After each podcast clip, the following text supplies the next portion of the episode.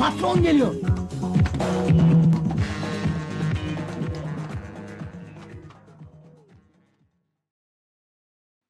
Merhabalar, LTD ŞT'nin dördüncü bölümüne hoş geldiniz. Ben Çağdaş.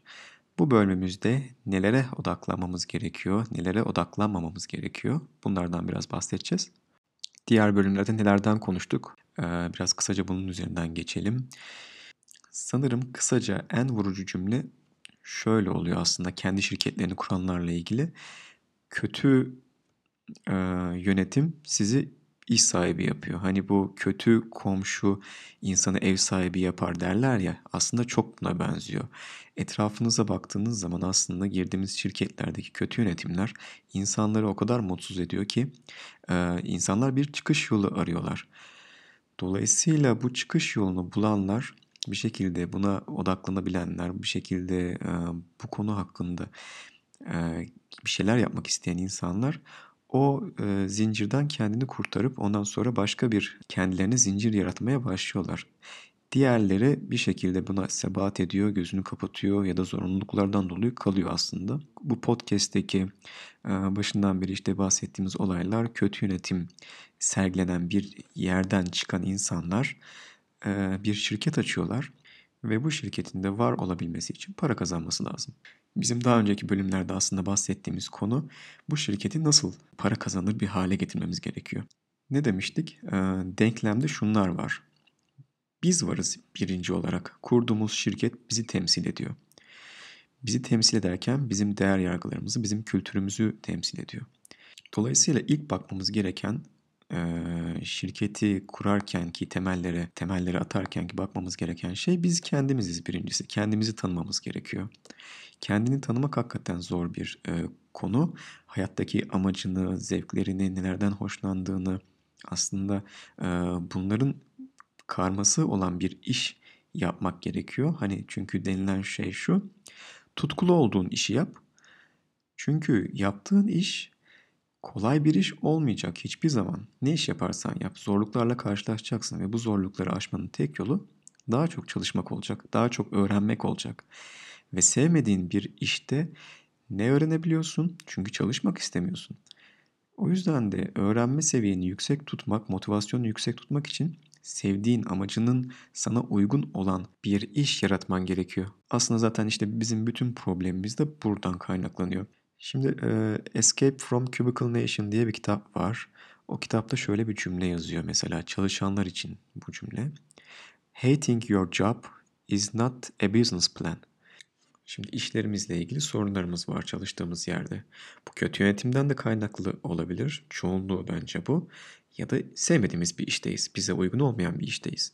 Dolayısıyla şimdi bir iş planına ihtiyacımız var. Bu çalışırken de aynı şekilde eğer o zincirden çıkmak istiyorsak bir iş planına sahip olmamız lazım. Şirket açtık yani bir şekilde çıktık o. Belki birkaç e, belki şirketi açtığımızda belirli işler de yapıyoruz. Fakat gene aynı şekilde o işlerin de e, yolunda gitmediğini varsayıyoruz ve başa döneceğiz. Peki sıfırdan başlıyoruz. Bizim istediğimiz şekilde bizi motive edecek, bizim hayattaki amaçlarımıza uygun bir işi nasıl kuracağız? İşte bu soru için e, aslında en önemli konu neleri yapacağımızdan ziyade neleri yapmayacağız. Bizim eminim ki hepimizin yapmak istediği o kadar çok şey var ki hani bir liste yapsak e, yani hepimiz sayfalarca şeyler yazabiliriz. Ama bunları bir şekilde elememiz gerekiyor. Eledikten sonra aslında kalan işler daha bizi anlatan, daha gerçekçi, daha yapabileceğimiz, daha sevebileceğimiz işler olacak. Şimdi işte bunları bulmak için de kendimize bazı sorular sormamız gerekiyor. O yüzden işte bu podcast'in diğer bölümlerinde bahsettiğimiz amaç, kültür, kendi yolumuzu bulma gibi konuları konuştuk.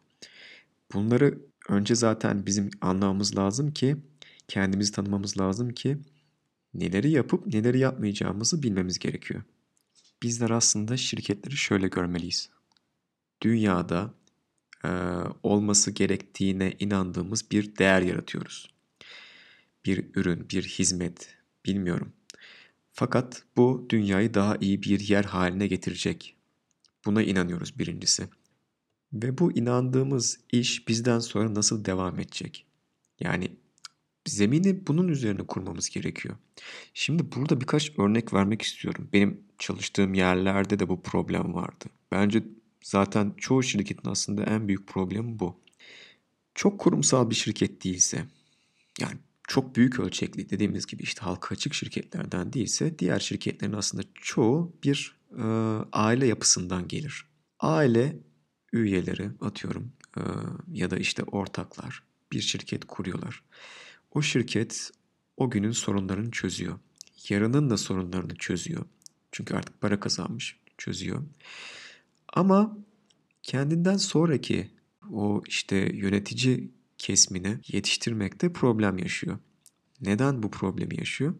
Çünkü bu zamana kadar kendileri sürekli her anında o işle ilgilenmişler. Takip etmişler, uykusuz kalmışlar. Yani bağlanmışlar o işlere ve güvenebilecekleri, bu işleri kendinden daha iyi yapabilecek bir kişinin de var olmadığını yani bunun yani işte ilizyonuna kapılıyor çoğu şirket. Benden daha iyi bu işi kimse yapamaz. Ve eğer ikinci bir jenerasyonları yoksa çünkü hepsi bir gün yaşlanacak ama ikinci bir jenerasyon gelmiyorsa da bu şirket ya satılacak ya kapanacak bir şeyler olacak. İşte şimdi biz hani şimdi tekrar başa dönelim. Açarken nasıl bir motivasyonla bu işe başlamamız lazım? Nasıl bir vizyon koyup ve bu vizyonu bizim nasıl yöneteceğimizi kendimize sormamız gerekiyor. Bunları düşünmemiz gerekiyor başlarken. Ki bu e, önemli bir konu çünkü bizim bir şeye inandığımızı belirtiyor bu. Ve biz bir şeylere inanırsak insanları da inandırmamız daha kolay olacak.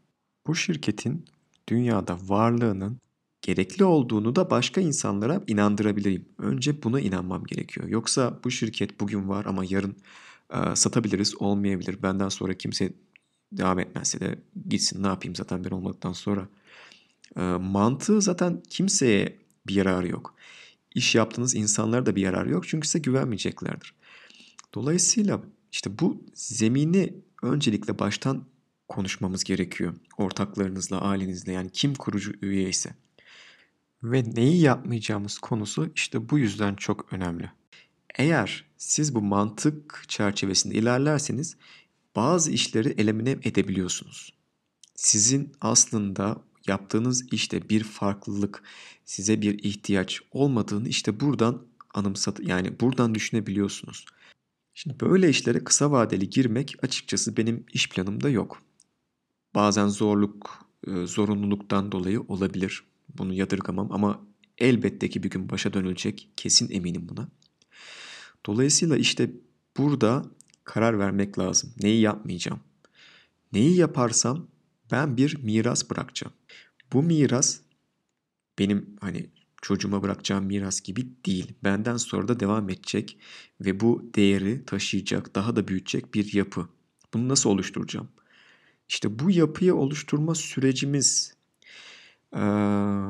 kültür, bizim çalışma azmimiz, ileriki safhalarda yönetimsel becerilerimiz, ileriki safhalarda tedarikçilerimizi yönetmek, iş ortaklarımızı yönetmek, müşterilerimizi yönetmek e, gibi aslında e, hepsi bir bütün olan bir yapıyı nasıl biz idare edeceğiz?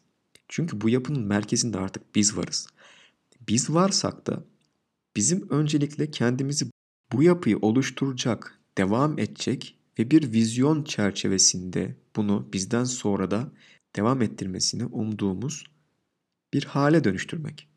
O yüzden işte biz çok önemliyiz. Yani benim şu anda hani baktığım şirketlere genelde artık bu gözle bakıyorum. Yani kalıcı olarak mı bir iş yapıyorlar? Felsefeleri kalıcılık üzerine mi? Yoksa sadece işte o anki trendler, o an günü kurtarmak üzerine mi? Bunu şirketlerin kurucularından artık sözlerinden, davranışlarından algılayabiliyorum. Uzun vadede mi plan yapıyorlar yoksa kısa vadeli mi? Bizim her zaman mentalitemizin şu olması lazım. Sürdürülebilir, gelişebilir, dönüşebilir fakat temel değerleri olan bir şirket yapısı kurmak. Biz işte bu zaten mentaliteyle ilerlersek yöneticilik yeteneklerimiz, ileride çalıştıracağımız insanlar, bizden sonraki bu yapının devamlılığı konusunda da birikim sahibi olacağız. Bunu çünkü kafa yormuş olacağız. Ve önceden çalıştığımız iş yerlerindeki hataları tekrarlamayacağız. Bir şirketi büyüten her zaman aslında içindeki insanlar. Bunu unutmak, unutmamak gerekiyor. Şirketi siz var edebilirsiniz fakat her şeyi tek başınıza yapamazsınız. İnsanlara bir ekibe ihtiyaç duyacaksınız. Ve bu ekip o iş yerini bir noktadan bir noktaya alacak. Yani sevdiğim bir söz var. Tek başıma hızlı gidebilirim ama tek başıma daha ileriye gidemem. İleriye gitmem için benim bir ekibe ihtiyacım var. İşte bu ekibi yönetmek, ekibin mutluluğunu sağlamak, gerekli insanları iyi seçerek yani bu öngörüye sahip olup sizinle aynı amacı taşıyacak, sizin kadar çalışacak, sizin kadar bu işe kendini verecek insanları işe almanız şirketinizi bir noktaya taşır. Aksi takdirde tek başınıza ne kadar çabalarsanız çabalayın o iş yeri iyi elemanlarını kaybedeceği için e, zarar görecek. Mesela şöyle örnek vereyim. E, yıllar sonra hani tekrardan böyle artık bu mentaliteyle olaylara baktığım zaman önceki iş yerlerimdeki patronların mentalitesini anlayabiliyorum. Benim o iş yerlerinde mutsuz olmamın sebebi birinci temeli aslında kötü yöneticilik. Çünkü e, kendileri bir yapıyı kurduktan sonra doğru insanları çoğu işe almamış. Bunun çok basit aslında sebepleri var. Birincisi e, maaş politikaları. İkincisi sezilerinin çok iyi olmaması. Üçüncüsü e, hani bu aslında insan kaynaklarına kadar dayanan bir yapı. Çünkü zaten insan kaynaklarına doğru insanları işe almadıysanız onların işe alacakları insanlar da sizin mentalitenizi yansıtmamış insanlar olacak. Bir amacı olmayan, bir motivasyonu olmayan sadece para odaklı birini işe almak o insanı belli bir seviyeden sonra, belli bir yerden sonra sadece mutsuz bir insana dönüştürecek. Çünkü para asıl motivasyon değil iş yerlerinde. O insanın bir amaca hizmet ettiğini ya da o insanın bir değer ürettiğini sizin hissettirmeniz lazım. Sizin şirketinizin hissettirmesi gerekiyor. Eğer çalışan bir şirkete şöyle bakıyorsa, işte sabah 7'de kalkıyor, işe 8'de geliyor. Çünkü çalışma saati saat 8'de başlıyor. İşte öğle, öğle yemeği saat 12'de yeniyor. Akşam işte 6'da çıkılıyor. Eve 8'de varıyor ve o adam bunu sürekli tekrarladıktan sonra para motivasyonu diğer tarafta kalmaya başlıyor. Çünkü hayat amacı ve hayatının gittiği yol onu aslında e, sorgulatıyor bazı şeylere. Ve çalıştığı iş yerini şöyle görmeye başlıyor. Ya e, şöyle bir tasvirde bulunayım. Siz izinsiz dışarı çıkamıyorsunuz. İzin almanız gerekiyor. Ve binanızın etrafında e, korkuluklar var, teller var. İçeri girdiğinizde, e, sabah işe geldiğinizde bir kart basmanız gerekiyor. Gir, giriş ve çıkış saatleriniz kontrol altında. Oturduğunuz masalardan yukarı baktığınız zaman tavanda kameralar var. İzleniyorsunuz. Bilgisayarınızda bazı siteler yasaklı ya da sürekli raporlanan bir sistem içerisinde çalışıyorsunuz. Bu size bu size bahsedilmiş olabilir de olmayabilir de bilemezsiniz belki de takip edilip edilmediğinizi. Ve e, sigara içiyorsanız e, belli saatlerde sigara içmeniz lazım. Mola vermek istiyorsanız, tuvalete gitmek istiyorsanız o an e, amiriniz kimse onun gözüne bakıyorsunuz. Acaba yani az önce gittik bir daha bir daha bu adam bir şey der mi demez mi? Yemek saatiniz belli. Yemeğinizi yiyorsunuz, geliyorsunuz. İşte belli saatler var işe başlayacağınız. Çay molalarınız var. O saatlerin dışında işte belki çay içmiyorsunuz, belki kahve içmiyorsunuz, bilmiyorum. Fakat yani demek istediğim sürekli bir denetim mekanizması altındasınız. Ve saat bekliyorsunuz. Saatiniz dolduğu anda çıkmak istiyorsunuz. Belki çıkamıyorsunuz çünkü sizi tutan bir şeyler var orada. Sizle ilgili ya da ilgisiz o günün konusu neyse ani toplantılar olabilir. Sizin planınız vardır yapamazsınız. Tamamen denetim mekanizması sizin elinizde değil. Ve siz oradan çıkmak istediğinizde tekrardan bir kart basıyorsunuz. Arabaya biniyorsunuz. Atıyorum bir şirket arabası vardır size verilmiş. Ama bu şirket arabası da takip ediliyordur. Çıktığınız saat, yaptığınız kilometre, vardığınız yer bunların hepsi raporlanıyor. Ve öyle bir psikolojiye giriyorsunuz ki yani bu tam bir yarı açık ceza evi aslında.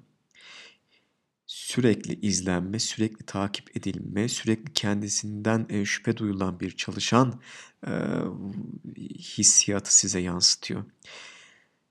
İşte bu ne kadar para kazanırsanız kazanın o şirkette dönüp baktığınızda özgürlüğünüz, hayatınızın kontrolünün elinizde olmaması sizi yavaş yavaş çürütüyor. Bu bilinçten kaçtınız siz. Bunu asla unutmayın. Kuracağınız işlerde, çalıştıracağınız kişilerde, işe aldıklarınızda bunu hissedeceklerini unutmayın. Eğer siz tamamen kapalı, denetim mekanizması çok yüksek, patron odaklı bir şirket kurarsanız yani bu korkunç bir senaryo. Yani bir insanın başına gelecek en kötü senaryo işte bu kötü yönetici maalesef maalesef demeyelim ama zoraki olarak insanları o işten soğutuyor ve kötü yönetici aslında iyi çalışanı iş sahibi yapıyor. Dolayısıyla insanlara, çalışanlarınıza bir amaç verdiğiniz zaman onlar şirketinize daha bağlı olacaktır ve hayatlarında zaten daha mutlu olacaklardır. İşte siz zaten bu amacı, bu değer yargılarını en başta şirketin temellerine atarsanız kuracağınız şirket ileride hem daha kalıcı olacak hem de insanların mutlulukla çalışacağı bir yer olacak. Ee, bugünkü bölümümüzün de sonuna geldik. Ee, dinlediğiniz için teşekkür ederim. Anchor FM slash ltdşti'den bana voicemail gönderebilirsiniz. Ee, ltdşti.zoho.com'da mail adresim. Sorularınız varsa ya da akışla ilgili bir derdiniz varsa, öneriniz varsa dinlemek isterim. Bir sonraki bölüm görüşmek üzere.